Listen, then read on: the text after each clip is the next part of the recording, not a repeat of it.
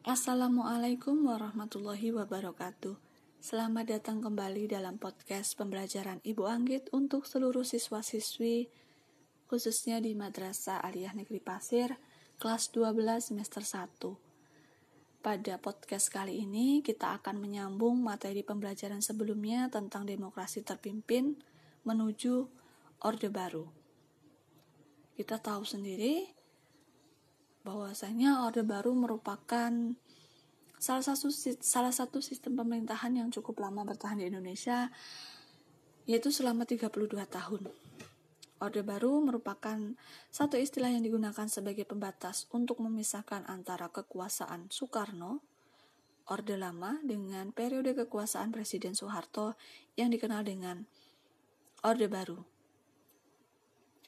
Orde Baru itu merupakan bagian dari sejarah bangsa Indonesia yang muncul sebagai akibat dari beberapa peristiwa yang terjadi sebelumnya. Orde Baru lahir setelah kekisruhan dan kekacauan yang terjadi selama masa kepemimpinan Soekarno. Lahirnya Orde Baru dilatar belakangi oleh terjadinya peristiwa G30S yang menurunkan kepercayaan rakyat Indonesia terhadap pemerintahan Soekarno. Rakyat bersama mahasiswa bergerak mendesak agar Soekarno mengambil tindakan cepat terhadap kelompok G30S PKI. Karena peristiwa, peristiwa 30S ini uh, dilatar belakangi oleh kelompok organisasi PKI yang kemudian menjadi penyebab melemahnya kredibilitas Presiden Soekarno. Ditambah lagi tahun 1966, muncul adanya Tritura, tiga tuntutan rakyat sebagai ide perjuangan yang dirumuskan oleh Angkatan 66 yang tergabung dalam kami. Nah, Tritura sendiri berisi tiga tuntutan yang meliputi pertama pembubaran PKI, kedua pembubaran Kabinet Dwikora, dan yang ketiga adalah penurunan harga-harga barang.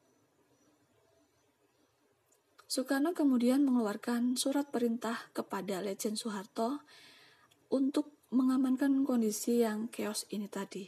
Dan surat tersebut dikenal dengan surat perintah 11 Maret. Melalui surat perintah 11 Maret 1966 atau Super Semar, Soeharto mendapat wewenang untuk mengambil segala tindakan dalam menjamin keamanan ketenangan dan stabilitas politik di Indonesia. Surat Perintah 11 Maret tahun 1966 merupakan titik awal dan berkembangnya kekuasaan Orde Baru. Bagaimana? Menarik bukan? Oke, kita lanjut ke materi berikutnya, yaitu tentang kebijakan-kebijakan yang telah diambil pada masa Orde Baru. Yang pertama, kebijakan politik. Pemilu yang sudah diatur melalui MPRS 1967 menetapkan uh, bahwasannya pemilu pada masa Orde Lama berbeda dengan Orde Baru. Pada pemilu ini, para pejabat pemerintah hanya berhak berpihak pada salah satu peserta pemilu, yaitu Golkar. Dan tahukah kamu kalau Gorkal merupakan satu-satunya partai politik yang selalu memenangkan dalam pemilu-pemilu seperti tahun 1977, 1982, 1987, 1992 hingga 1997. Luar biasa. Kemudian kebijakan kedua yang diambil pada masa Orde Baru adalah penyederhanaan partai politik atau fusi partai politik. Pada tahun 1973, setelah dilaksanakan pemilu umum pertama pada masa pemerintahan Orde Baru, pemerintah melakukan penyederhanaan atau fusi partai politik menjadi tiga kekuatan sosial politik. Tiga kekuatan sosial politik itu di antaranya ada P3 yang merupakan fusi dari NU, Parmusi, PSEI, dan Perti. Yang kedua adalah golongan karya, adalah golongan tunggal tidak mendapat fusi atau gabungan dari partai politik lainnya.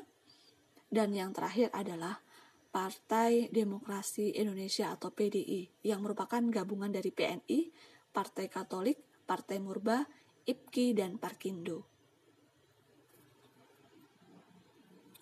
Penyederhanaan partai-partai politik ini dilakukan oleh pemerintahan Orde Baru dalam upaya menciptakan stabilitas dan meminimalisir perpecahan dalam kehidupan berbangsa dan bernegara. Dan tentunya ini juga merupakan salah satu penyebab mengapa Partai Golkar atau golongan karya selalu mendapatkan uh, suara terbanyak dalam pemilu dari tahun ke tahun. Bagaimana? Menarik bukan? Nah, itulah sekilas tentang beberapa kebijakan politik yang telah diambil pada masa Orde Baru. Uh, pada pertemuan pekan depan kita akan membahas tentang apa itu fusi ABRI, dwi fungsi ABRI. Nah, itulah podcast yang dapat Ibu sampaikan pada pertemuan kali ini.